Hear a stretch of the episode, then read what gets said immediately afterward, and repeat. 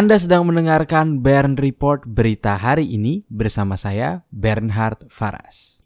Berita hiburan dan teknologi. Berita pertama, sutradara klaim film No Time to Die jadi puncak kisah James Bond.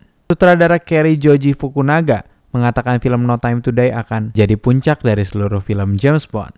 No Time to Die mengambil latar waktu 5 tahun setelah film Spectre Film itu akan menunjukkan kehidupan agen 007 yang sudah pensiun dan menikmati hidup baru di Jamaika.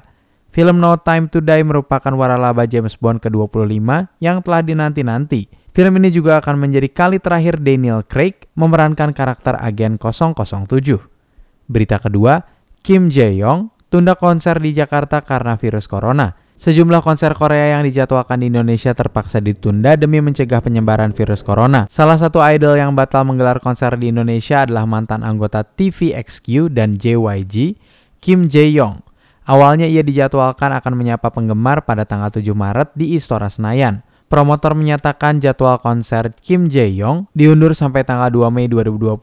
Promotor mengatakan tiket yang telah dibeli sebelumnya masih bisa digunakan untuk tanggal konser yang baru. Berita ketiga, Kendrick Lamar, dan The Weeknd dituntut soal lagu Black Panther. Band rock eksperimental asal Amerika Serikat, Yeah Sayer, menuntut Kendrick Lamar dan The Weeknd terkait lagu latar Black Panther. Yeah Sayer menuding Lamar, The Weeknd, dan tim kreatif film Black Panther mengambil sebagian cuplikan paduan suara dari lagu Sunrise yang mereka rilis pada 2007. Yeah Sayer menuntut sejumlah dana sebagai ganti rugi atas penggunaan bagian cuplikan paduan suara dari lagu Sunrise. Berita keempat, operator diklaim tak masalah soal alat pemblokiran ponsel black market. Menteri Komunikasi dan Informatika, Johnny G. Plate, mengatakan saat ini operator seluler tak mempermasalahkan lagi terkait alat pemblokiran ponsel black market atau yang biasa disebut ponsel BM. Alat pemblokiran tersebut dinamakan Equipment Identity Register atau yang biasa disebut EIR. Sebelumnya teknologi EIR sempat jadi persoalan bagi operator seluler, sebab mereka harus mengeluarkan anggaran sekitar puluhan hingga ratusan miliar untuk menyediakan EIR ini. Joni menyebut saat ini operator seluler mampu dan tak masalah untuk mengadakan alat tersebut. Berita kelima, Microsoft ungkap spesifikasi Xbox Series X.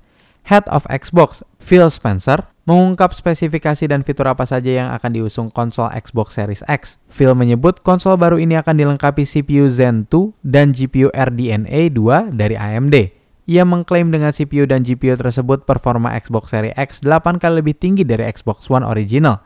GPU RDNA 2 juga menggunakan teknik variable rate shading yang memungkinkan efek untuk fokus di satu objek bukan di seluruh layar. Xbox Series X juga disebut akan mendukung tampilan 8K dengan frame rate hingga 120 fps.